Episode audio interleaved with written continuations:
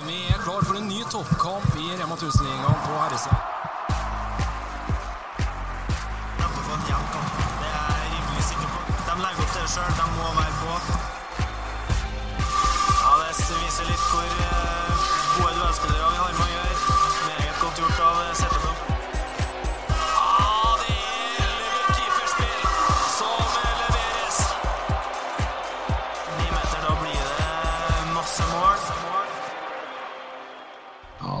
Da er det en glede å ønske hjertelig velkommen til en ny episode av Feil sperre. Ettersom det har vært ferietid, så har vi jo kommet ut av tellinga på hvor mange episoder vi har spilt inn. Men uh, først og fremst er det deilig å, å være tilbake. Jeg sa i hvert fall til mine kollegaer Petter, uh, når de kom igjen tilbake på jobb i dag, om det var en blåmandag. Jeg vet du har første arbeidsdag i dag. Er det samme på Kolberg da? Åh, eh, det blåeste sånn sett er egentlig å hente ungene igjen i barnehagen. Eh, og tilbake i i hverdagstralten fra sånn fire til sju. Det er den som er blå. Det å komme på jobb igjen og få lov til å ikke tenke, eller bare gjøre. Det, det tenkes jo litt, da, men å ha liksom konkrete arbeidsoppgaver og Det er veldig godt. eh, I hvert fall en liten stund fremover til, så gleder man seg alltid til en ny ferie. Ja, høres fornuftig ut. Eh, Det er 19 dager til seriestart i, i håndball-Norge. her. Kolstad og IF Arendal skal kaste i gang sesongen da på, på herresida. Eh, Denne episoden så skal vi også snakke håndball, snakke litt idrett, men eh, hovedfokuset er økonomi. Eh, Vi har fått med oss eh, styremedlem i Ryger, Svein Aksel Johannessen. God kveld, Svein Aksel, og velkommen hos oss. God kveld, god kveld. Takk for invitasjonen. Mange vet jo hvem, hvem du er, men det er sikkert noen som ikke vet hvem du er også. Om du kan fortelle litt om deg, om deg sjøl? I forhold til tidligere gjester, så er det nok flere som vet hvem jeg ikke er, enn vet hvem jeg er. Men eh, jeg eh, har vært aktiv i eh, idretten i hele mitt liv. Eh, vært med i, i Viking og nå Ryger siden eh, 2016-2017. Eh, før det var jeg eh, leder av håndballgruppa i Klepp i, i ti år. Sitter fire år i regionstyret. Og, og aktiv i barneidrett og barnefotballtrener. og eh, jeg har sett idretten fra litt ulike perspektiv. Så bra. Eh, vi skal som nevnt eh, ha økonomi i, i håndball først og fremst som et hovedfokus i denne podkasten. Ettersom du òg sitter som et styremedlem i, i Ryger, så vet jeg hvor, hvor bra innsikt du har akkurat nå. Hva, hva er status? Ja, hvis du eh, Tenker du på sport, eller? eh, Yes, på sport. Nei, eh, Status er den at vi etter fjorårssesongen uh, mista fire spillere til Rema 1000-ligaen. Fire sentrale spillere, en linjespiller, tre bakspillere. Eh, og vi er veldig fornøyd med de eh, spillerne vi har eh, fått inn. Vi har i siste halvannen sesongen hatt store skadeproblemer på målvaktsposisjon. og går vi inn i i uh, preseason med, med tre målvakter. To av de som har vist gode prestasjoner i førstedivisjon, med Odd Nevesen Hagen som kommer fra Melhus. Og så um, pluss Erik Varpe som kom inn i fjor desember sammen med Jon Aksel Brun Nygaard. Så nå er vi i hvert fall godt forspent på målvaktposisjon. Og vi har fått inn uh, unge uh, treningsvillige gutter som uh, passer godt inn i Ryger-kulturen.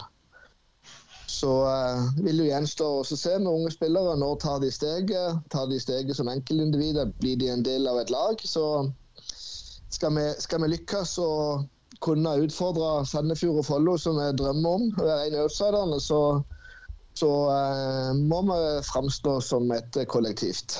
Det, det, blir spennende å se. Underliggende at, uh, at ambisjonen er opprykk da, på et tidspunkt for uh, Ryger, eller?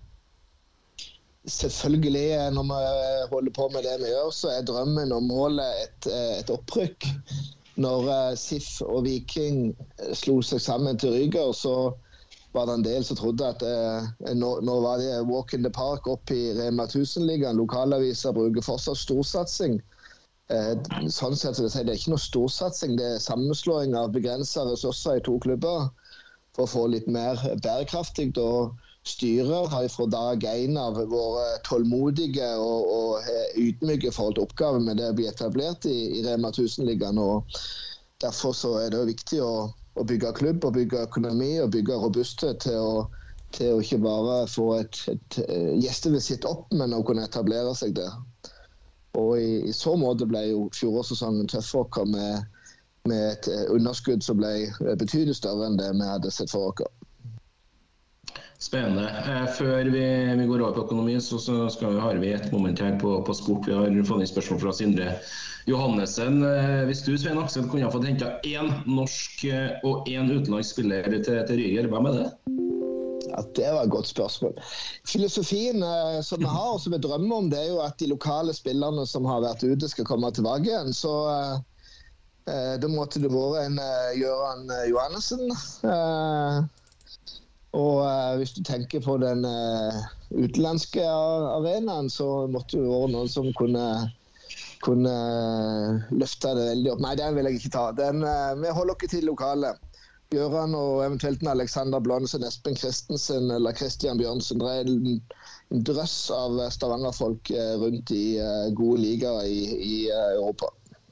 Det var, ikke, det var ikke sånn at Gøran Johannessen ble ringt i starten av juli nå?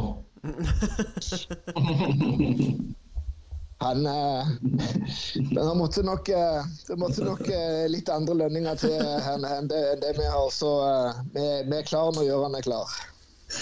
Fantastisk. Ok. Eh, vi skal ha økonomi som hovedtema i denne podkasten. Det gjelder først og fremst klubbhåndballen eh, i Norge. Over flere år så har vi sett at eh, mange mange klubber har slitt, og sliter eh, økonomisk. Nå også et ferskt tema da, fra, fra storsatsinga i Trondheim og, og, og Kolstad. Jeg er litt usikker jeg, hvordan vi skal egentlig innlede det, det, det her temaet. men det fra oversikten du har, og statusen på klubbhåndball, ja, på, på topphåndballnivå og økonomi. Eh, hvor står vi hen eh, i dag? Det syns jo jeg eh, ting taler jo veldig greit for seg. altså Storhamar fikk jo en wake-up call når de ikke kom med i, i Champions League. Eh, det skyldes jo sannsynligvis at den norske ligaen ikke er god nok, ikke er sterk nok økonomisk, og at ikke det er store nok tall på Excel-arket til EOF. Eh, og så eh, syns jeg vi var på, på rett retning i, i, veldig mange klubber eh, før pandemien. Men, men, det er vært skjørt. Og nå kom det jo en pandemi, og nå kom det renteøkninger, det kom ustabilitet. Som nok gjør at en del klubber sliter. Så alt i alt syns jeg klubbhåndballen er et særdeles svakt ledd i håndballfamilien i Norge. Vi har sterke landslag. Vi er flinke på integrering og inkludering, og vi er flinke på festtaler. Men, men akkurat det å kunne klare å lage bærekraftige klubbmiljø som både skal skape underholdning, tiltrekke seg publikum, men ikke minst være en arena der unge spillere skal kunne utvikle seg, eh, er det knalltøft å få endene til, til å møtes. Hva er det, hvor er det skoen trykker hardest? Går det på styre, ledelse i klubb? Hvordan er posisjonen til Norges håndballforbund oppi det her eh, temaet? Jeg tenker Når det går dårlig økonomisk, så er jo det klubben sitt eh, hele og fulle ansvar. Det, det er ferdig snakka. Du, du, du, må bruke penger ut ifra det du, du, har. og Går det på dunken, så må du rette dette opp igjen. Men, men, rammevilkårene for klubbhåndballen i Norge er jo særs tøffe. Vi har lange reiser. Eh, vi har begrensa med, med, inntekter. Førstedivisjonen som vi har vært en del av, er jo, det er jo, det er jo null å hente ifra, i, i, form av medieinntekter. Det er jo null å hente i forhold til rammetilskudd. Vi er ikke en del av norsk topphåndball. vi lever etter det samme eliteseriereglementet som eh, lisensreglementet som Eliteserien gjør, men eh, eh, vi er på en helt annen eh, planet. Så jeg eh, tenker først og fremst at jeg savner en eh, topphåndballen tydeligere i både strategier og visjoner til, til Norges håndballforbund. Ja, for Det blir jo det neste vi kommer inn på, det der her med, med, med strategiplanens struktur. ikke sant? Da kan jo nevne samfunnsoppdraget, målmidlene innenfor strategien, prioriterte satsingsområder, langsiktige strategier. Hvor, hvor, skal man egentlig starte? Nei, Det er et godt, godt spørsmål. og En må jo se det opp i et større bilde nå med, med idrettsøkonomien generelt. og idretten generelt er jo en brytning nå med, med, både debatt på inkludering og deltakelse og egenandeler i, i ungdomshåndballen. Eh, Men jeg, jeg, tenker kanskje det greieste hadde vært å snudd eh, problemstillingen og spurt hvordan vil vi det skal se ut i Eliteserien? Hvordan vil vi det skal se ut i førstedivisjon? Um, hva, hva trengs? Og nå, vi har et eliteseriereglement nå. og Nå er det vel to av 14 klubber i førstedivisjon som er i grønn kategori. Uh, halvparten på herresida, halvparten av Rema 1000-ligaen og, og både på herre- og damesida er i grønn kategori. Noen skyldes økonomi, noen skyldes anlegg. Men, men, det viser jo at det er et stort avvik i forhold til det reglement og den veilederen som Norges Håndballforbund har vedtatt i sitt lisensreglement, og det klubbene klarer å levere. Da bør en kanskje stille seg hva er grunnen til dette avviket. Jeg nekter å tro at det er tolv dårlig styrte herreklubber i norsk førstedivisjon. Kan du, bare for alle som ikke er like kjent med de her øh, fargene som, øh, som klubbene får av, av, av, NHF, kan du bare si litt om hva, uh, hvilke triggere har man, hva, hva, hva, sliter man med, liksom Litt sånn overordna, hva, er det egentlig vi prater om? Altså, Hvis du tenker økonomi, så er det veldig enkelt at hvis du har én krone på konto, så havner du i grønn kategori. Skylder du én krone, så kommer du i rød kategori. Eh, og Så er det andre parametere som, som hall. Eh, noen har eh, dekt inn sitt underskudd gjennom ansvarlige lån, uprioriterte lån, som gjør at de havner i, gul kategori. Men, eh, men, de skylder jo penger for det. Det er jo egentlig bare skjult, skjul av den røde fargen. Men det går jo på, på, mangler i forhold til de parametrene som er satt opp. Så går det på arrangement og, og målsetninger, og at vi etterlever de handlingsplanene vi, vi sender inn. Så lisensreglementet er egentlig veldig greit og enkelt å, å, forholde seg til. Vi kan jo diskutere innholdet i det, men, men eh, det, eh, det, er, ingen overraskelse der for klubbene. Men er det, er det økonomien som er den største driveren i rød, gul og grønn kategori? Ja, for noen klubber så er dette som går på anlegg òg en, en, utfordring. Da. Men uh, de fleste klubbene, uten jeg kjenner grunnen til, eller vi har ikke innsyn i bakgrunnen, men, men de fleste grupper, uh, klubbene som havner i rød kategori, er jo fordi at du har uh, negativ egenkapital. Og Da må du følge opp en handlingsplan fire ganger i året med møter med lisensnemnder for å se at du har satt i gang tiltak for å få vekk det underskuddet. Og hvis du ikke når den handlingsplanen, eller uh, det er store avvik foran, så kan du få poengtrekk, sånn som uh, Fyllingen vel har fått, og det var noe på damesida mm. også som har fått poengtrekk. Nå ser er det med tilskudd fra, fra forbundet? Er det kun reisetilskudd, eller er det andre, andre tilskudd det går an å få eller søke om, eller hvor er det der? Altså Nå var jo vi et år oppe med Viking i, i Rema 1000-ligaen. Der er det en del ordninger som gjør at det er noe nettotilskudd til toppklubbene. Men i, i førstedivisjon er det et reisetilskudd som er en relativt symbolske sum i forhold til, til uh, de reisekostnadene vi faktisk uh, har. Sånn som for vår del så har vi én tur til Bergen og én til Kristiansand. Og nå har vi kanskje én til Porsgrunn der du kan kjøre i bil eller buss. Ellers er det flyreiser. Og, og, flybilletter til Trondheim, Bodø, Ålesund eh, er veldig dyrt. Heldigvis så har vi kun én spiller over 26 år, og dermed kan vi reise på ungdomsbilletter. Men, eh, men, men eh, reisekostnadene utgjør en, en, en, stor del av, av dette mm. her.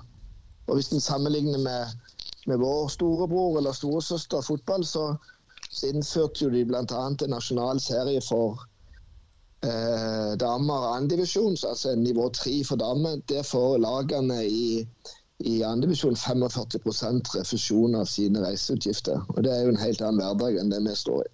Ikke sant. Det er ganske oppsiktsvekkende tall, egentlig, at du som på nivå tre i en kvinneidrett, da, som for å kalle en spade en spade, drar mindre eh, tilskuere. Likevel får Altså det er en sånn annen mm. økonomi i det. Men gjør, gjør dem Handler det noe om prioriteringene til Norges Håndballforbund nå, eller er det, mangler, er det penger som mangler, eller har du noe innsikt i det òg? Det får vel egentlig Norges Håndballforbund eh, si litt om, men, men, jeg savner visjoner for klubbhåndballen. og det hvis en går inn i strategidokumenter og tingdokumenter, så, så er det veldig lite der som eh, er klart og tydelig på hva en vil med, med klubbhåndballen. Eh, det står at landslagene skal være topp tre. Eh, det betyr at vi har jo fire landslag. Vi har jo to, to eh, innelandslag og to beachlandslag. Eh, de skal ha ambisjoner om å være topp tre i, i verden. Eh, og så er det en del ord omkring topphåndballen som egentlig er floskler som ikke kan måles eller etterprøves. Så om det er klubbene, Norsk Topphåndball eller Norges Håndballforbund, så tror jeg vi kan etterlyse en debatt om hva vil vi med klubbhåndballen. Skal vi la den seile videre sånn som man gjør nå, eller eh, skal vi ta noen grep for å se om vi kan løfte produktet norsk håndball?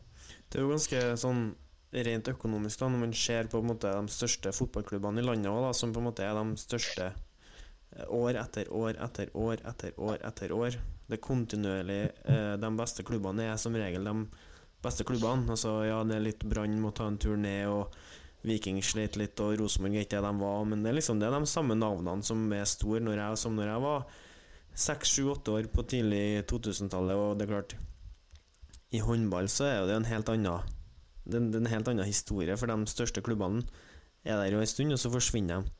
Og mm. det må jo ha noe med jeg må, jeg, tror, jeg må jo kunne tro at uh, det NHF, de retningslinjene NHF, altså Norges Håndballforbund, setter for uh, klubbhåndballen, må, må, jo være viktig for akkurat denne biten. Og må jo være viktig for Norges Håndballforbund å faktisk ha solide klubber som uh, er, mm. altså, som er kontinuitetsbærere også for ligaen. da ja, jeg, jeg er enig, men, men ansvaret er jo klubbene sitt. Men, men, igjen, når så mange klubber ikke klarer å innfri lisenskravene, så er det på tide at vi tar en fot i bakken og, og spør hva er det som egentlig skjer. Uh, og eh, det er ikke rett middel at du f.eks. Uh, endrer opp- og nedrykksreglementet midt inne i en sesong. Uh, helt sånn uh, ut av det blå så endrer du bare Eh, et, eh, ja, et, etter kampen har starta, så, så, endrer du reglene. Det er jo sånn du gjør på skolen. Der, for, for du, reglene blir til for, mens, mens, du spiller. og En del sånne grep er hastverk og, og lite gjennomtenkte. Og, og, så det tror jeg skader norsk klubbhåndball. Litt uh, bare for å ta det når du sier det, men det er sånn som jeg ikke har tenkt, man kan jo si noe om hva akkurat Det blir litt off topic, da, men vi må ta en digresjon her. For akkurat den her endringer i struktur, da. Eh, kan du si noe om hva den hadde å si for dere i Ryger? Ja, i, altså bare si litt om prosessen. da. Vi ble jo invitert til et, et Teams-møte angående medieavtalen og TV 2 sine sendinger. På slutten av den eh, avtalen så fikk Norsk Topphåndball fem minutter eh, der de snakket om eh, planer om å om eventuelt utvidelse. Og I etterkant av den så fikk vi en Questback-undersøkelse med fire-fem spørsmål. Eh, så hørte vi ikke noe mer før vedtaket var, var, gjort, og ingen som trodde faktisk at dette kunne, kunne, kunne skje. Eh, så for vår del så var vi jo egentlig ute av opprykkskampen når, før dette ble, ble endra. Vi hadde interesse for en av våre spillere som vi vurderte å sende på utlån.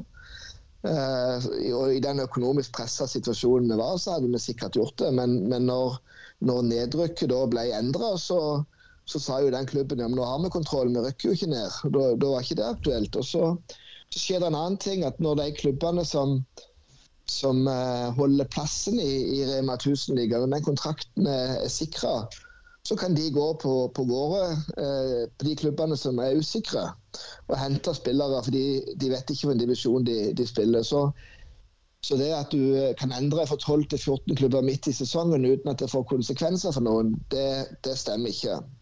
Og Det medfører jo òg at vi, vi, får jo to ekstra bortekamper i, i året som eh, kommer. og det er jo det er jo òg eh, 60 000-70 000 i, i reiseutgifter. Så sånne avgjørelser er måter jobbes med mer grundig enn, eh, enn det som er gjort nå. Men det, det, var ikke sånn, det ble jo store reaksjoner som du sier, Svein Aksel, etter det her skjedde. liksom som klubb, da, Klubbene hadde ikke noe som helst påvirkningskraft overfor forbundet etter at dette her ble eh, bestemt? Altså Norsk topphåndball, som organiserer eliteserieklubbene, eh, vet jeg ikke hva prosess hadde der. Men vi som var i førstedivisjon, var det eh, prosessen med at vi fikk fem minutter på et Teams-møte, en questback på fem spørsmål, og så et vedtak eh, sendt ut. Eh, det var måten det ble, ble, ble gjort på. Er det, er det kommet noe, kommet noe på en måte, redegjørelse fra, fra Norsk Topphåndball eller en Norges Håndballforbund om hvorfor prosessen eh, Altså, har de- sagt noe Har de evaluert seg sjøl, eller er det kommet noe liksom, til klubbene etterpå om denne eh, saken, eller? Nei, jeg, det kjenner ikke jeg nok til, da. Jeg, eh, jeg, jeg, ble, ble egentlig bare litt oppgitt av sånne type ting. Og du, du får jo stort sett god dag med økseskaft-svar hvis du etterprøver. Vi, vi hadde jo en sak det, det året vi rykte ned med Viking med, med coviden. og, og ehm, det ble diskutert om vi skulle spille kvalik eller ikke kvalik, og det var mye fram og tilbake. Der jeg spurte om innsyn i, i den saken som var forelagt forbundsstyret, men, men da var svaret at de, ikke, de hadde ingen grunnlag for å sende ut noe som forbundsstyret ble forelagt. Det var vedtaket vi fikk beskjed om. Så vi må nok bare forholde oss til det som ble, ble gjort. Men jeg, jeg syns det skader omdømmet norsk eh, håndball når du kan gjøre sånn midt i en sesong. At, uh, litt tilbake til det, det med lisenskravene som vi snakker om her, Svein Aksel. At det er ganske mange som sliter med, med å, å klare å stå her, klare å beholde, de, de kravene. Hvis at du nå skulle ha vært litt sånn øverste sjef oppi her, her sett en fot ned i bakken, satt oss ned og snakket sammen, hva hvilke virkemidler tenker du ville vært fornuftig her? Jeg, tenker først og fremst at der, eh, det må være et belønningssystem som tilsvarer det her Rema 1000-ligaene. De klubbene som, som når de målene som står i, i, i lisenskravene, eh, de blir belønna med, med en bonus i forhold til om det er aktivitet på sosiale medier, om det er antall tilskuere. Eh, Sånn som det er nå, så er det jo egentlig de klubbene som bidrar minst inn i fellesskapet eh, og bruker minst ressurser, som, som tjener mest eh, på, på dette her. Um, og så mener jeg òg det bør stilles noen krav. at Hvis du rykker opp og ikke har en godkjent hall, så kan du si at eh, innen fem år så må du ha en godkjent hall. Uh, og Da har de klubbene fem år på seg til å, å få dette til. Um, Tre fire klubber som rykte opp i andredivisjon nå, var ikke i grønn kategori. Så kanskje du må inn allerede i andredivisjon og kvalitetssikre at de klubbene som rykker opp, faktisk er klubber som er villige til å jobbe mot de målene som vi har for topphåndballen, og ikke det bare blir en kompisgjeng eller et godt årskull som rykker opp med den lokale klubben, og så har de en happening et år, og så rykker de, eh, rykker de ned igjen. Eh, ja. Andredivisjon er jo interessant, sant, for eh, da, da treffer du plutselig eh, veldig mye bredere, da. Og involverer plutselig veldig mange flere i de her eh, reglene. For sant, her jeg bor eh, på nordlandsgrensa, vi er 10 000 innbyggere i kommunen, men vi hadde faktisk andrevisjonslag her et år eh, i nabobygda, på Rørvik.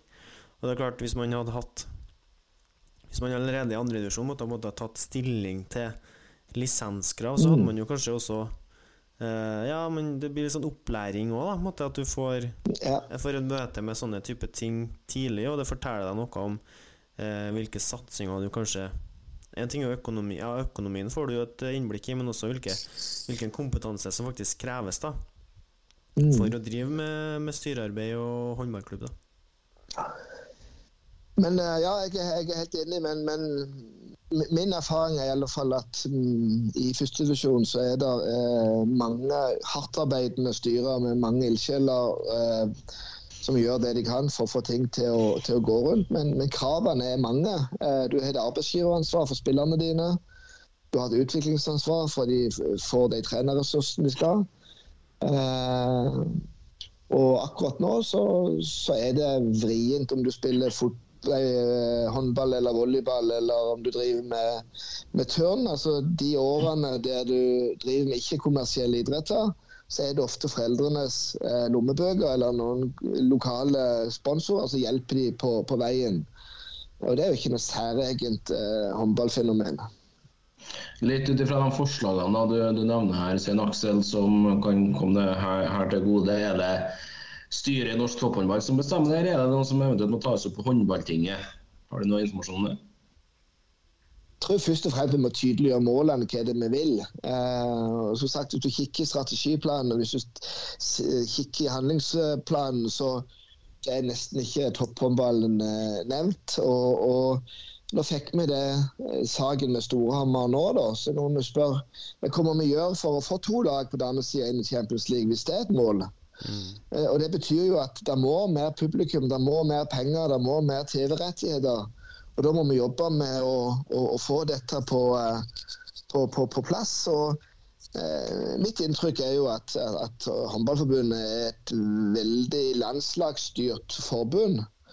Eh, vi har noen flaggskip der som, eh, som, som, sannsynligvis genererer både inntekt og interesse som er med eh, klubbhåndballen ikke kan måle seg med. Og eh, eh det er tross alt 15 ansatte i marked og kommunikasjon i, i, i Håndballforbundet. Eh, og spør, kan vi spørre hvor, hvor, mye av de ressursene er det som tilfaller eh, topphåndballen? da? Eh, hvordan klarer vi å få, få det til? Eh, for å få mer medieomtale, for å få mer eh, nasjonale sponsorater inn. Men, men, det er ingen quick fix. Men jeg, jeg syns det er for mange spørsmål som henger i, i lufta, og det er på tide nå å å diskutere eh, for å finne løsninger, og ikke bare skylde på hverandre. Vi har snakka med ganske mange nå, eh, ganske usikker på hvilken episode, men faktisk på episode 39. Eh, og det er jo mange, når vi liksom er innom, spesielt rundt VM, nei, rundt januar, da, med mesterskap, eh, VM, EM, ja, korttidshukommelsen, eh, så er det mange som snakker om ja, Danmark er så mye bedre enn oss. For de har tre i hver posisjon. og alle håper at Kolstad skal liksom gi eh, at, Altså Hvis det skal gjøre noe, så gir det liksom ligaen et løft og hele den pakka der. Men det er sånn NHF kan jo ikke tenke sånn eh, hvis de på en måte bruker alle sine ressurser på landslagene og veldig lite på, på, på en måte å, å gjøre topphåndballen bedre. Um, mm. For da, da, skal man ta igjen Danmark på bredde, så må man jo kanskje ha en bedre liga.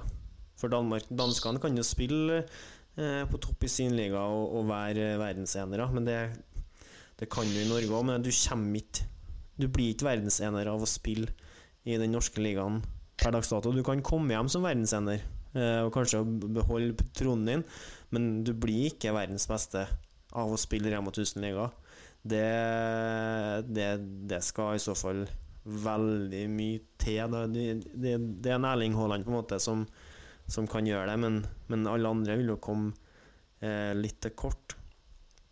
Hvor ja, men Det må vi bare akseptere, at eh, det vil være liga det er mer penger i. Og, og, og laget sende de ut og få de hjem igjen, litt sånn som fotballen òg gjør. Mm. Men, men, jeg tenker det går jo an å skape mer mer blest rundt egne ligaer. Selv om de beste er, er, ute, så kommer de kanskje hjem igjen, sånn som de gjør i Danmark nå.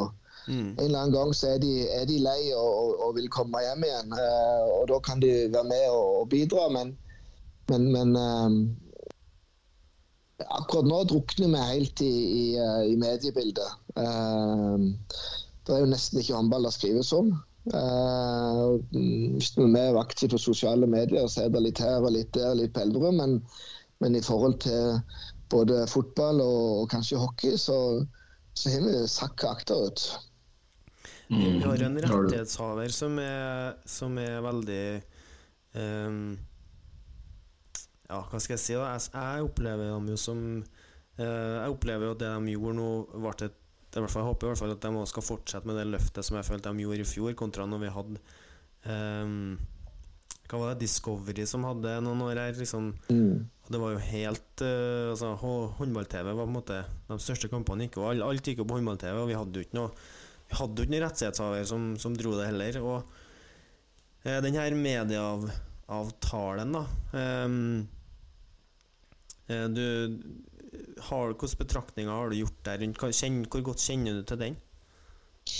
Jeg kjenner ikke noe særlig godt til den uh, på innholdet, men jeg, eh, jeg hadde nok uh, realistiske forventninger til TV 2. Men jeg hadde jo forhåpentligvis jeg hadde trodd at de hadde valgt å, å fronte håndballen enda mer enn det de eh, har gjort.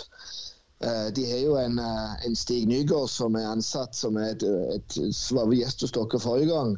Et håndballorakel. Jeg vet ikke hva han gjør i, i TV 2, om han eh, kapper løk i kantina eller om han holder på med reiseregninger. Men, men sett nå den mannen på håndball og skap nyheter, skap interesse. Kom bak, bak og skap de gode historiene som kan skape debatten. Fra førstedivisjon så var jo var jo medieavtalen en katastrofe med, med det AI-kameraene som eh, ikke virka før jul, og kommentatorene var ikke på plass. og eh, ikke fikk du med deg kontringer, og eh, det, det, det var rett og slett en, en, en katastrofe. Og eh, eh, ja, det kan vel ikke mer enn si. Og, og selv om både TV 2 og eh, Håndballforbundet sa det ikke var godt nok, så skjedde jo ingenting. Altså første, Siste runde i første divisjon for damer gikk jo svart. Ja, stemmer. Hvordan var det den, den her AI-biten for dere, da? Altså fordi at eh, eh, den her eh, håndball-TV-produksjonen, som jeg kaller det, da, som har nå foregått i ja, seks, sju, åtte år For den forsvant jo da fra førstedivisjonshallene, ikke sant? Så den sånn, sånn kostnadsmessig for dere, da, hadde det noe hadde det noe betydning? Hadde dere noen utgifter med det som var betydelig, og som, at- som gjør at dere så nå sparer dere noen penger på denne AI på det AI-kameraet? Altså, nei, altså vi fikk jo et tilskudd for å produsere per kamp. eh, og det, det var ikke stort. Det var nesten en ren dugnad. Men én ting er AI-kamera, men det er jo kvaliteten på de sendingene som, eh, som går. altså det er jo du gidder jo ikke se deg ned til å se en kamp hvis ikke du har noe spesielt interesse for den kampen. For kvaliteten på den sendinga er jo så lav Mm. eh, at, at det, det er jo for spesielt interesserte. Og hvis du tenker markedsmessig sett med, med sponsorer som skal ha logo, så, så klarer iallfall ikke 50-åring å, fange opp hvilke logo som er på, på, på draktene. Og da mister en noe av den der markedsmessige effekten. Så akkurat der ble vi en prøveklut. Jeg har lyst til å skyte inn det, Svein Aksel, når du nevnte en Stig her. For at jeg synes det var fin den tweeten din i, forkant av kveldens episode når du takka oss for invitasjon. og Du var litt usikker på hvorfor, og om, du, om du var den eneste som har, som har sagt ja. Men sant skal sies, det er en Stig som har tipsa oss at du måtte ringe deg. Ja, men det var godt. Det var godt. Eh, skal vi se. Uh, vi har jo fått inn litt, eh, litt spørsmål. Sindre Johannessen er, er veldig aktiv. Uh, hvis at du skal peke på utfordringene ja, som er størst for norsk håndball nå med tanke på, på økonomi, mulig vi har vært inne på det, men kanskje litt mer, mer i dybden. Hva, hva tenker du? Jeg tenker synlighet i mediebildet. Mm. Med vi er nok eh, for snille. Eh, vi er nok for stuereine. I dag er det dessverre konflikter som selger. Jeg hater jo konflikter. Og at vi skal hive dritt til hverandre. Men dessverre så er det det media vil ha. Så Sånn sett så er jo VAR en berikelse for media, fordi at de får masse konfliktsituasjoner. Eh, så, så mediebildet er det som bekymrer meg mest. og og er det å få folk inn i hallen. Nordmenn er jo, har jo ikke kultur for å gå på idrettsarrangement på samme måte som dansker, tyskere, eh, svensker har. Så eh, jeg tror det er, er det største utfordringen i, i det mediebildet og den endringen av mediene er, er i dag. Er det noe som, det- som opptar deg mye, eller jeg har jo bladd på Twitteren din, og du, det var i april her at du var ute og meldte at eh, det måtte en protest til for at eh, Stavanger Aftenblad skulle sette håndballen som headliner, og da var jeg etter den her eh, Etter at en Høgseng var inne og eh, Ja. rota litt med han eh, Lindell, var det vel, som ikke bomma på den straffen. Ja, nei, det, det er dessverre sånn. eh, Vi, vi trenger flere Stian Gomo som går ut og hiver bensin på bålet i Haugesund Gate. Vi skulle hatt en Stokkenberg eller vi skulle hatt en spiller som, eh, som ikke var A4. Som, som eh, sagt, jeg, jeg ville jo ikke hatt i min klubb eller vår klubb. Og, men men eh, dessverre, media søker klikk. Eh, og du får ikke klikk med en god håndballkamp der det ikke er noe bakom, dessverre. Hvis vi ser litt igjen på, på, på økonomien, da, ta, ta Ryger først nå i, i forbindelse med inntektskilden. Eh, det er jo mye, mange, mange, idretter som er i fokus nede hos dere. og da Viking og Sandnes Ulf, dere har hockeyen. Hvor tøft er sponsormarkedet for dere? i Aksel? Ja, det er jo knalltøft. og Det var jo egentlig hovedårsaken til vi gikk på den økonomiske smellen vi gjorde. Eh, med, med, når vi slo sammen eh, Viking og SIF til, til Ryger, så så hadde vi en million i egenkapital, som var en gave vi fikk i Stavanger kommune i, under coviden. Og Da fant vi ut at dette skal vi bruke nå på å bygge håndballkultur i Stavanger. Appellere til den nye generasjonen. Eh, og vi ansatte en, en markedsmann. Eh, og Det var litt av de signalene vi fikk fra sponsormarkedet. Men, men derfra til å klare å hente inn de beløpene, eh, var, var, veien lang. og, og, og Da raser jo pengene eh, fort ut, og da måtte vi ta det grepet og si opp den eh, markedspersonen i, igjen, dessverre. For vi lyktes med, med, veldig mange ting. Vi hadde jo, eller iallfall fram til februar-mars, ca. 500 tilskuere i snitt i førstedivisjon. Vi hadde et godt samarbeid med breddeklubber og ut og skapte håndballglede og entusiasme. Men eh, det er, det er veldig tøft å være bak de store aktørene som, som sagt du har du har Viking, og du har Oilers og du har Ingebretsen-brødrene. og Det er en, en drøss av gode idrettsutøvere i området. her. Ja, og det, definitivt. Eh, vi snakka litt om det i sted her og gutter. Det, det, det der med klubber som sliter økonomisk, roter det for seg sjøl. Da går det litt på klubbledelse, det går litt på styret. Eh, hvis vi ser da i dag 7.8.2023, hvor attraktivt vil en daglig lederjobb være for, eh, for en, ja, en herreklubb da, i, i midtsjiktet i, i Håndball-Norge? Jeg diskuterte her faktisk med min far eh, nylig, og våre, vår konklusjon var jo egentlig at hvis du som daglig leder i Kolstad håndball ikke er berørt av et lønnskutt over eh, 6G, altså 711 000, så eh, hvem, hvilke andre daglige ledere i norsk eh, herrehåndball ville da vært det? Og, og en ting er jo attraktive jobber, men eh, får man inn gode nok folk da, hvis man ikke kan eh, Altså hvis lønningene er du, du, du, er jo avhengig av ildsjeler, da, eh, på en måte for å få det til. Ha, er, det, har, er, dere, er det ansatt en daglig leder i Ryger? Har dere fulltidsansatte? Nei, vi hadde fulltids markedssjef fram til vi måtte si opp mm. når vi tok den økonomiske opprydningen. Eh, og det er klart at eh, det å gå inn som en daglig leder, eh, det er jo en uriaspost i forhold til arbeidstid, mm. jobb. Så eh, jeg tenker jo at det er jo de større klubbene som har et miljø. Eh, jeg tenker på på Nærbø så har et breddeidrettslag. Du kan jo kombinere det med, med, med kollegialt. Du har noen å, å støtte deg på. Uh, jeg tror ikke du står lenge i en jobb. Uh, det ser en jo ellers i idrettslag òg. Det, det, er få daglige ledere som klarer å stå i en, i en jobb over, over, tid. Fordi at det er så arbeidskrevende, og ikke minst at det går så mye tid på kvelder og helger, og at det går året rundt. Mm.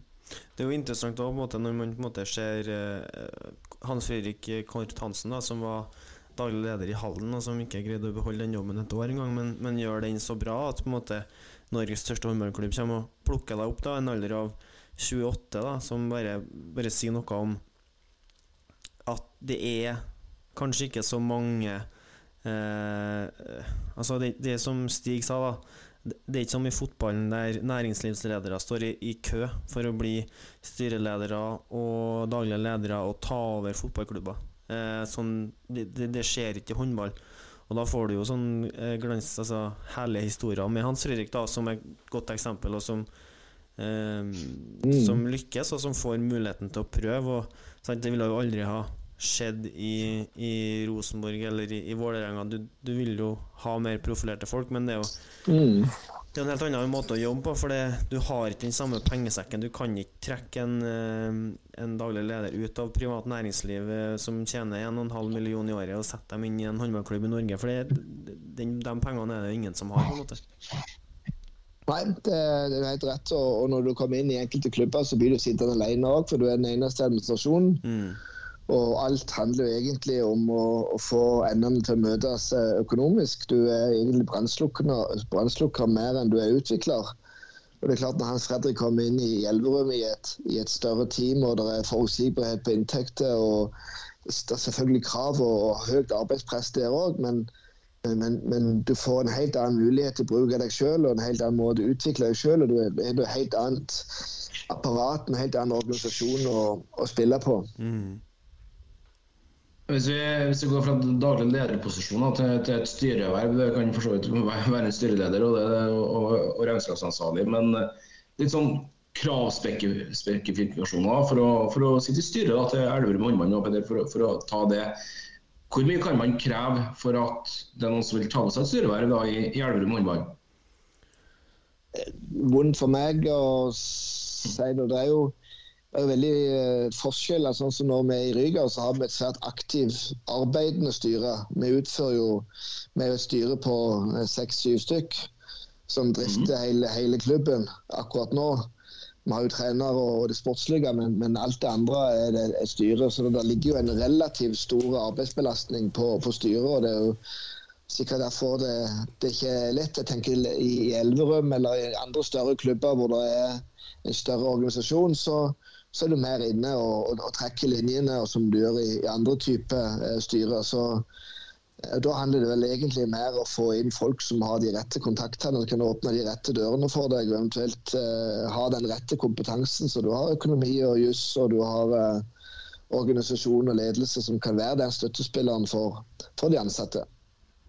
Og Det må jo være måte, den store forskjellen på å drive Ryger og Elverum òg. Altså, eh, I Elverum så har du et styre som er det, de gjør det, de styrer eh, det overordna, og de får rapportene sine fra daglig leder. Eh, og alt daglig leder sier, må de jo på en måte stole på, for det er daglig leder som har, tar tempen på, på, klubben.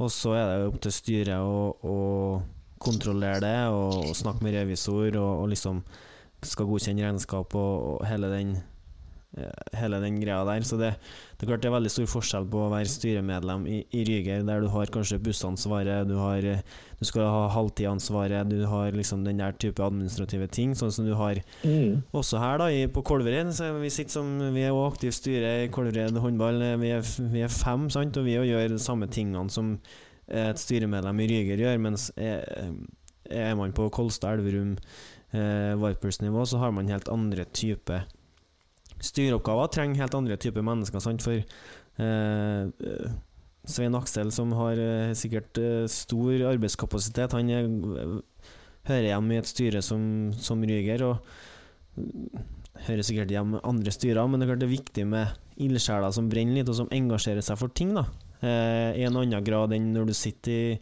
ja, i Kolstad, sant? der man kanskje vil ha inn en, en Vegard Samdal eller ja, den type mm. mennesker som bare bringer til bords en ekspertkunnskap på om det er håndball eller om det er juss, eller ja, som Svein Aksel mm. ramser opp så, så fint i sted. Nei, det, det, det eh. Ja, kom igjen. Eh, det blir mye, det blir mye Sindre Johannessen på høre, men det har han fortjent også, for han har vært veldig aktiv på, på spørsmålsfronten. Eh, litt i forhold til hvor vanskelig er det egentlig å jobbe i en klubb som har store ambisjoner, men samtidig så er det veldig begrensa midler? Ja eh, Det er et godt, godt, spørsmål. Hvor store ambisjonene er. Har realistiske ambisjoner, men det er jo et eh, det er jo litt av, det er gøyere med en plass du kan si ja. altså Størstedelen av jobben til vi som er i styret, det er å si nei. I alle fall nå som jeg har kommet hjemme, så handler det om, om, om å, å, å, si nei. Det handler om å gjøre kjipe valg. Men Det handler om å, om å prioritere eh, knallhardt.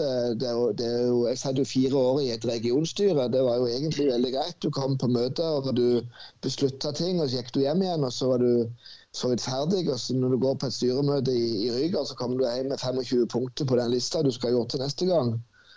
Uh, så så det det ja, Hadde ikke vært for at det var en, en raus, inkluderende og, og, et flott styre, så, så hadde du kunnet bli spist opp uh, i, en, i, en, sånn type uh, klubb. Så, men jeg opplever jo at vi er ambisiøse, men vi er jo realistiske. Så ja. Hvor vanskelig er det å, å erstatte noen når et styremedlem velger å si takk for seg? Veldig vanskelig. Mm.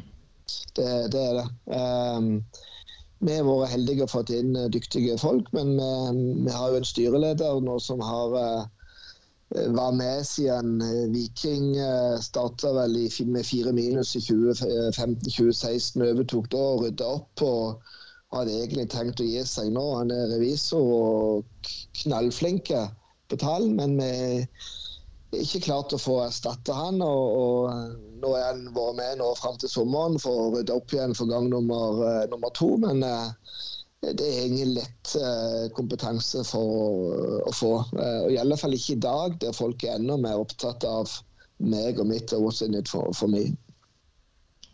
Hvor lenge har du sittet i styret i Riger nå? Jeg tror jeg kom inn i 2017. Ja, det er imponerende. Respekt. Det ja, seks, år. Ja, I Viking først, da, men nå Ryger. Ja. Vi snakka litt om uh, TV-avtalen i, i sted, Svein Aksel. Uh, hvor mye gir altså sånn som TV-avtalen er i dag, da, foran denne sesongen, hvor mye gir den Ryger? Null. Null. Null. Den gir oss null. Um, 0,0. Uh, ingenting. Er det i hele tatt noen klubber i første divisjon som får noe? Nei. Nei. Kun 1000 ja. Det, dessverre så er det ikke, er det, ikke det. Og det, og det, det, er litt sånn opplevelsen at uh, førstedivisjon er jo egentlig steba, stemo, stebarnet til, til Norges uh, håndballforbund. Jeg skal ta, bare ta noen eksempler på det. Altså nå, nå skulle vi legge terminlistene for uh, altså, terminlistene som kom nå. Så kom det ut et, et terminlisteutkast som vi skulle da da bli enig med de andre klubbene. Og, og, Det er et veldig raust miljø i håndballen, og vi strekker oss veldig langt for å finne kamptidspunkter som gjør reisene gunstige og billigst mulig. Men eh, når vi nå fikk den GTP-en eh, plassert foran oss, så hadde bl.a. Norges Håndballforbund blokkert så mange helger der de har sagt får dere ikke spille. Det var fine late. Det var VM i, eh, i håndball. Det var eh, eksempelvis Jeg tror det var Melhus Fyllingen. Begge, begge klubbene ville spille tidlig på dagen, samme dag som Norge skulle spille kamp i Trondheim. Og Da hadde Norges håndballforbund bestemt at ingen seriekamper skal gå den dagen. Selv om begge ville dette her. Og Da tvinges da Fyllingen til å reise opp Trondheim, Overnatta kanskje en av de dyreste helgene i Trondheim, og hjem igjen. Fyllingen starter med minus to poeng og i rød kategori. Blodrød. eh, Vi, vi skulle til Bodø og spille mot eh, Bodø borte. Og den helga vi fant billige billetter, eller, så var det landsdelssamling for 17-åringer. Og da, For at vi skulle få lov til å spille den dagen, så måtte både leder og trener skrive under et dokument på at hvis det var noen 17-åringer på laget, så kunne ikke de brukes i kamp, for da skulle de gå på den eh, samlinga for 17-åringer. Når Ryger skal spille mot Sandefjord, så er den plassert inn samme helga som det er VM i håndball i Stavanger. Da var den lagt til en lørdag. Å komme fra Sandefjord til Stavanger på en lørdag er ikke helt enkelt. Og når i tillegg da håndballforbundet har lagt inn håndball-youthcamp på lørdagen, den dagen det er kampfri, så vi får ikke tilgang til hallen før klokka fire, så skal den rigges, så kampen kan gå tidligst seks på en lørdag. Sånne type problemstillinger kommer vi altfor mye opp i. For hvert sånt vedtak som forbundet gjør, så påfører de klubbene en, en, en kostnad. Eh, og når du ser at det er 12 av 14 klubber som ikke er i grønne soner, så bør en heller snu det motsatt og si at nå må vi hjelpe klubbene.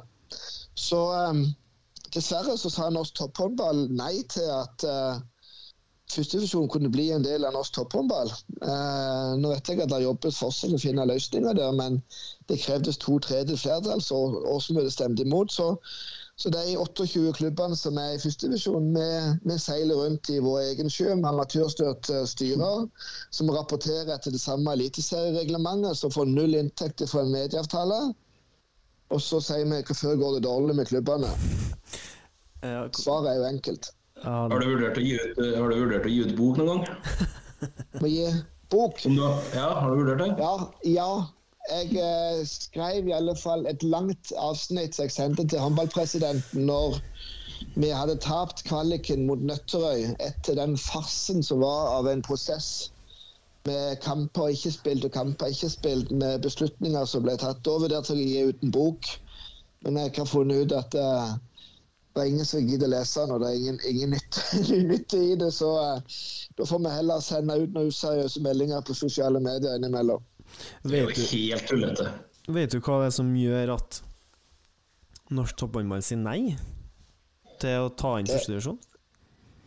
Det, jeg vet at det var et flertall, men det krevdes, eh, det krevdes eh, to tredjedels flertall for det var en vedtektsendring. Jeg, skjønner- jeg vet ikke bakgrunnen med det, men det var, det var eh, Sandefjord og Gjerpen som på vegne av klubbene jobbet dette inn mot, eh, mot det. Jeg vet at eh, det fortsatt er dialog, men inntil videre så seiler vi de 28 førstedivisjonsklubbene fortsatt sin egen sjø. Da burde jo man jo hatt en egen eh, interesseorganisasjon for klubbene i førstedivisjon, om ikke annet. da Norsk nesten topphåndball, eller noe sånt. Det kan jo fort bli et alternativ, men det ble vi egentlig fraråda da andre idretter hadde prøvd det. Det var en veldig dårlig eh, løsning. Så eh, jeg satser på at fornuften vil vinne etter hvert, og at, eh, at en ser nytten av å få alle klubbene med seg. Men har dere et Altså, er det liksom et forum for førstevisjonsklubbene? man møtes i og kan diskutere sine saker? Er det liksom noe Så hvem organiserer de problemstillingene som førstedivisjonsklubbene møter, da? Ingen. Men det jo Derfor blir jo, derfor blir jo eksemplene som eh, denne de kampene jeg nevnte nå på terminlista, eh, derfor dukker de opp fordi det er ingen som har tenkt førstedivisjon. Derfor blir førstedivisjon en prøveklut til TV 2 sine AI-kamera. Det får ingen konsekvenser for verken håndballforbundet eller at eh, TV 2 at ikke de leverer på det de har lovt. Og de hadde flere møter der de, der de sa at de skulle love bot og bedring, men, men ingenting skjedde. Det var klubbene de gikk, gikk utover for. Vi, er jo ikke, ikke en, ikke en viktig brikke i eh, TV 2 sin medieavtale. Det, det skjønner jeg òg. Ja, ja, men det er jo Og det er jo Altså det er jo spade altså Det er jo greit på en måte at man ikke drar tilskuere, at man ikke har en verdi for, eh, for rettighetshaver her og nå. Det kan man jo på en måte forstå. Rettighetshaver skal, skal forsvare eh, ressursene sine, dem også. Men det jeg syns er rart, er jo at man tenker at nei, vi kan ikke ha herrehåndball på fuckings Melhus samme dag som det spilles et damemesterskap i Trondheim. Altså, de 300 som går på Melhus-kamper, de går på Melhus-kamp uansett. Og hvis de har tenkt seg i Spektrum, ja, så gjør de det òg. Hva i alle dager er det som er Altså, hvilket argument sitter du med, da? Så, altså, nå skal ikke jeg sage hodene jeg ikke vet hvem er engang, men når du sitter på en måte og sier nei, nei, nei, nei, det går ikke. Har du i det hele tatt Altså, det virker jo helt tankeløst, da, når man tar sånne avgjørelser. Jeg forstår jo det at eh, sånn som i fotballen, der klubbene må spille på kanskje ugunstige tidspunkt, søndag klokka tre eller lørdag klokka tre. Men de blir jo kompensert med betydelige medieinntekter. Sånn at det de taper i, i, i, i, publikumsinntekt, eventuelt det de får i økte reisekostnader, det, det kompenseres jo. Og da er det helt greit. Ja. Men her får jo bare fyllingen ei ekstra regning fordi at Norges Håndballforbund skal ha en VM-kamp. Og da antar man jo samtidig at Melhus-fyllingen er konkurranse. Altså det er noen som velger Ja. bort å dra til Spektrum da for å se damelandslaget fordi nei, vi var på Mel... Altså, den real... Hvor mange er det snakk om, da? Kanskje ti mennesker? Ti, kanskje det er ti Ja. billetter i beste fall, og de blir solgt til noen andre fordi den hallen kommer til å være utsolgt. Så det er jo helt sånn eh, Da må man jo eh, altså, si noe, men det sier sikkert ikke noe om hvorfor, eller det bare bestemmes. Også, men gikk de den, ja? De Stig at de hadde gått tilbake på den?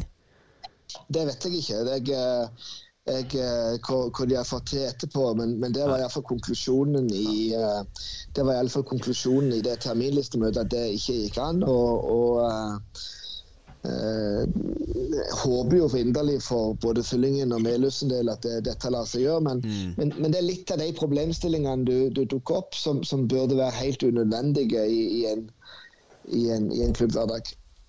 Absolutt. Jeg tror, tror strengt tatt eh, at eh, de det har kommet til enighet der at eh, både Fyllingen og Melhus fikk viljen sin der, heldigvis. da. Ja, så for Stig så får du bare kappe av oss hvis vi tar feil, men hvis du hører på. Vi nærmer oss uh, timen her, Gamst, eh, men vi må innom eh, Jeg bare overtar uh, programlederrollen her, altså, så du ikke trenger å gjøre noe. Og så. Og så tenker jeg vi må innom eh, eh, La meg kalle det den røde tråden den sommeren her.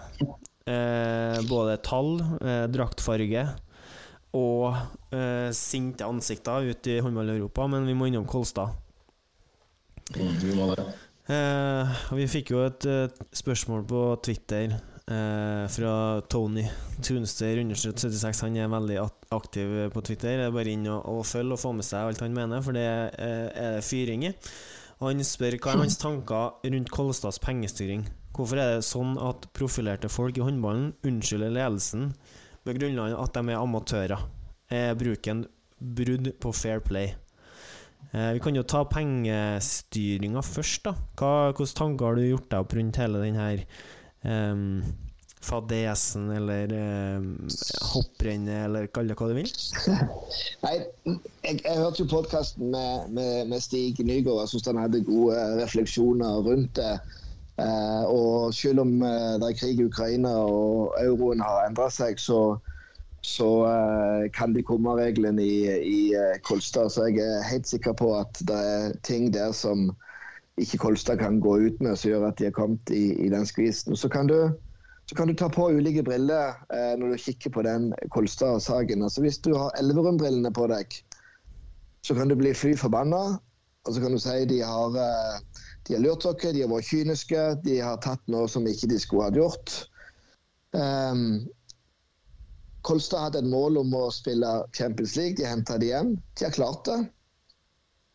De har fått eh, motbør som de har klart å takle. Eh, og at EOF og, og, og det røres med sablene internasjonalt. altså Toppidretten er kyniske. Og eh, Stig nevnte Barcelona, men du hadde jo Kelse med sine problemer. Du hadde Vardar med lang historikk på, på sine ting. Til, til sjuende og sist er det, så er det jo eh, regneark igjen som, som trumfer alt. Og eh, skulle Kolstad få suksess, så blir dette skamrost. Skulle de gå på dunken, så kommer folk til å godta seg. Sånn er det å stikke hodet fram. Mm. Eh, det er ikke mer enn to år siden Kolstad tapte med syv mål i Stavanger mot Viking i, eh, i Rema 1000-ligaen. Nå skal de spille Champions League. Kolstad er ikke et døgnflue som plutselig har fått penger eh, heven etter seg. De har bygd opp klubben sakte. Det er eneste byen i Norge som har klart å etablere seg på, på øvre halvdel. Eh, så de har gjort veldig mye rett. Eh, og jeg eh, er litt der som stiger at eh, alt som kan skape omdømme for norsk håndball, alt som kan skape medieoppmerksomhet, er bra. Eh, så forstår jeg at Elverum ble er, er fly forbanna. Det hadde jeg òg vært.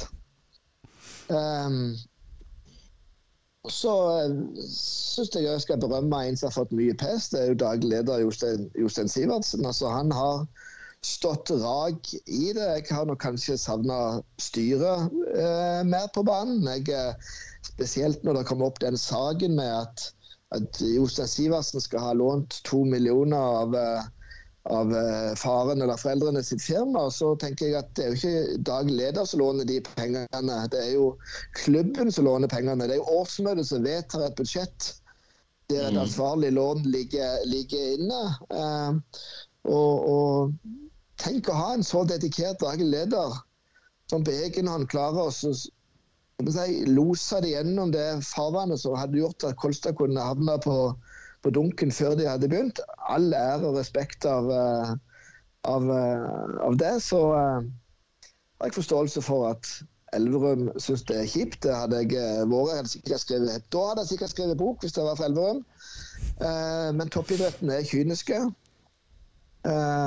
Så ja, det blir spennende å følge med. Men eh, du da, som sitter som et styremedlem i, i Ryger, eh, Josse Sivertsen var klar på det på den pressekonferansen her nå i, i starten av juli, er vi vel da, midten juli, eh, at han valgte å holde styret utenfor da, denne prosessen når de kom i økonomisk uføre pga. at styret ble satt i mars. Var det ikke sånn, Petter? Så det på årstall. Ja, det var mars, ja. Det kom nytt styre. Hva, hva tenker du om det? Jeg, jeg kjenner ikke de indre forholdene der, men det er et styre står jo ansvarlig uansett. En daglig leder er jo styret sin forlenga hånd. Eh, og når, når den forbindelsen mellom familiens firma og daglig leder kom opp, så er iallfall min første refleksjon at det burde styreleder tatt. For det, det, er, det er ikke daglig leder som har gjort den avtalen med firmaet, det er klubben som har gjort det firmaet. Så har daglig leder utført en oppgave på vegne av, av styret. Men, men, igjen, det koker. Det er midt på sommeren. Det er nytt styre. Sikkert ikke alle i Kolstad-styret heller som, eh, som eh, er like kompetente og vet hva det går i. Og det er ofte sånn at når eh, du får suksess og det er spennende ting, så tiltrekker det jo folk i styret som, som er på jakt etter litt berømmelse og litt ansikt utad, mer enn men å stå i stormen når det, når, når det kommer. Så, du, er jo, ja. du er jo en håndballfanatiker her, Svein Aksel. Men uh, hvis du skrur tida tilbake til oktober 21, blir det vel da når Kolstad lanserer det her uh, satsinga si. Man begynner å få tallene på bordet i forhold til lønnsbudsjett. De går fra 9,4 til, til 53 her da, på, på, på to år. Uh, du som sitter i et styre, et styremedlem, hva, hva gikk gjennom hodet ditt da når en sånn satsing med så svære økonomiske midler kommer inn i Håndball-Norge? Jeg ville jo tenkt at det er jo egentlig det vi drømmer om alle sammen. Ja. Innerst inne. Det er jo en drøm. Mm. Det er jo, eh, Vi drømmer ikke om eh, ifra, eh, vi, vi, vi, drømmer jo om noen hundre tusen av og til det kan komme inn, men det er jo det vi ønsker å gjøre. De har vært dyktige. Det er jo, altså Rema 1000 går jo ikke inn der med så mye penger for å for å drive veldedighet i, i, Trondheim. De går jo inn for dette er et markedsmessig spennende prosjekt for dem. Så uh, tallene er jo helt hinsides. Men igjen, våger du stikke hodet fram, så får du pes. Er, sånn er det bare. Uh, og, og, igjen, suksess trumfer alt. Så uh, de har lagt hodet på, på hoggestabben. og nå må de vise seg dyktige nok til å, til å stå i det, og eh, det blir spennende å følge med. Tror Bare sånn rent styrejobbmessig faglig, da, hvis jeg kan kalle det det. Eh, den her eh, rapporteringa til styret, da, og hvilket du, altså, Vi er enige om at styret har ansvar for regnskapet til slutt, og tallene og alt daglig leder gjør, er jo styret som står ansvarlig for. Um, men rapporteringa fra daglig leder til styret, da, uh, den uh, foregår oftere enn eh, vil du tro den foregår oftere enn et årsmøte? Den må jo foregå litt sånn kontinuerlig, sånn at styret hele tida er informert om hva som rører seg i klubben ja, når det er så store avvik, så, så, er det jo kontakt med styret, elektrostyreleder hele veien. Men det, det, når Kolstad fikk uh, lisens i gul kategori, så er jo det et årsmøtegodkjent uh, budsjett og regnskap som mm. oversendt lisensnemnda. Så det er jo Medlemmene har jo vedtatt dette. For styret har jo framlagt dette uh, for sine medlemmer, som har vedtatt dette. her. Det, det er ikke noe Dag leder kan sende til lisensnemnda. Det er ikke noe styret kan sendes til lisensnemnda. Det er revisorgodkjent, og kontrollkomité har vært inne. Så dette er hele klubben som, som, uh, som står bak. Men et sånn, altså du sier budsjett, og da snakker man jo budsjett for, for uh, regnskapsåret 2023, ikke sant? Ja. Og det er jo ganske, uh, sånn som jeg ser det, ganske store summer som mangler på det budsjettet allerede i mars. Men, du, men det er jo sånn som man ikke trenger å snakke om på årsmøtet, ikke sant? hvis man skal være litt konspiratorisk opp. Alt det her, da, at man, når man mangler si 7,5 millioner sponsorinntekter da, eh, neste seks månedene, at man ikke trenger på en måte å Altså Budsjettet for 2023 ble jo laga i 2022. Hvor, mange, hvor mye justeringer gjør man på det, og hvor høyt snakker man om det eh, på et årsmøte? Jeg tenker Styret er jo ansvarlig for det budsjettet som er lagt fram. og Hvis du har, har eh, manipulert årsmøtet eller du har lagt fram feilaktige eh, tall, så står du som, som ansvarlig i et, i et styre. Så det er jo, en, det er jo regulert i, i ethvert styre. Eh, sånn at det, det eh, Nå vet ikke jeg hva som har vært lagt fram eller hva som ikke har vært lagt fram. men eh, du må jo også rapportere til lisensnemnda i forhold til når du skal få inn de ulike sponsorinntektene og, og sånn. Ja. Så det, det, det kjenner jeg ikke til, men, men eh, eh, jeg tenker de har sitt på det tørre. Og, og eh, er det mer grums i lasta, så, så vil jo de bare få det verre et, eh, etter hvert. Ja, for det er jo på en måte var det jeg lette etter at du skulle svare at man har sitt på det tørre, fordi at man kan ikke bare eh, hvis, du, altså, hvis du manipulerer tall og, og sånne ting, da, sånn, altså folk er jo lynings forbanna og mener man jukser, altså brudd på fair play. Det, det er ikke måte på liksom hvor hvordan kritikk man får. Eh, og da er jo litt sånn Altså hvis du, hvis du faktisk da går inn og manipulerer årsmøtet, eller manipulerer rapporteringa til styret, eller gjør noe som eh, på en måte gjør at det du forteller til dem du rapporterer til, er en løgn, så er jo det jo, må jo være kriminelt på et vis, eller altså Da, da men... Eller? Ja, det, altså, Styrearbeidet er jo underlagt i, i lovverket, og, og alle styrer har jo også en revisor som er uavhengig, som går inn og, og, og sjekker dette her.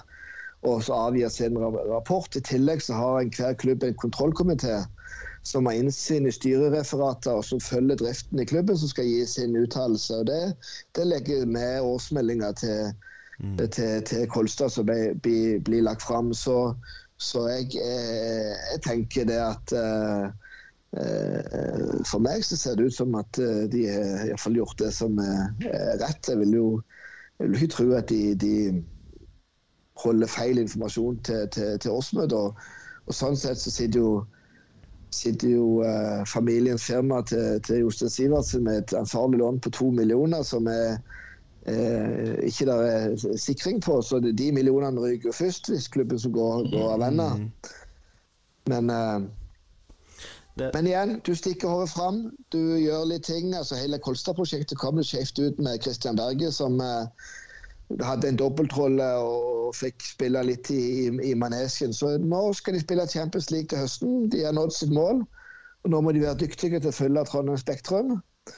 Og uh, lykkes de, så uh, er alt glemt om kort tid. Og uh, er det mer lik laster, så blir de malt på veggen og, korsfesta og begravd og er største idiotene som finnes. Og så enkel er verden i dag. Ja, jeg bare poeng, Jeg bare synes, tonen ofte, i hvert fall spesielt på Twitter, da, men det er jo livsfarlig, men at tonen ofte kan være litt sånn eh, At man hogger hodet av, og at man eh, legger meninger til folk som måte, er i verste mening hele tida. At man antar at på en måte eh, Kolstad har gjort alt mulig galt for, å- for å komme dit de har, og at man ikke gjør ting rett, og at man jukser eh, jukser seg til eh, Champions League, da.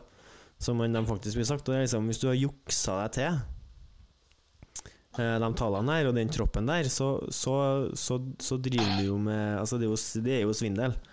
Og når du Ja. måte anklager noen for en svindel i den her millionklassen, da, som Kolstad nå holder på med, så er det ganske alvorlige Det er ganske alvorlige anklagelser.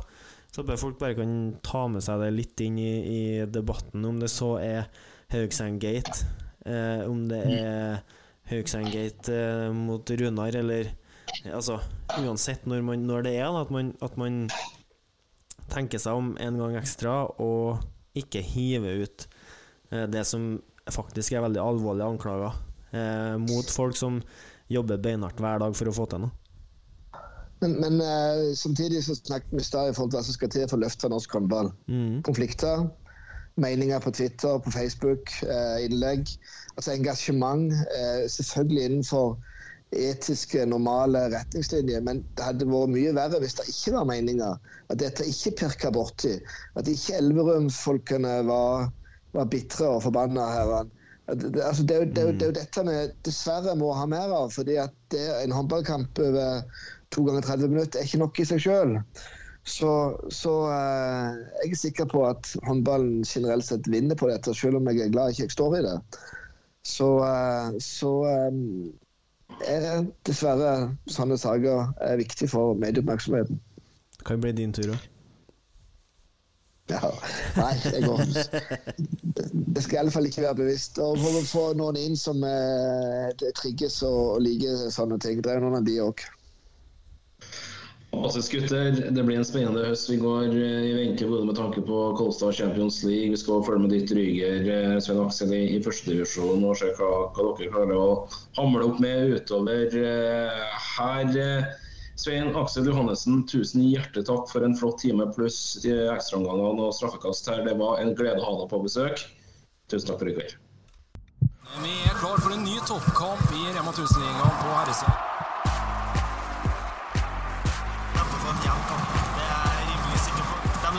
sjøl. De må være på. Ja, det viser litt hvor eh,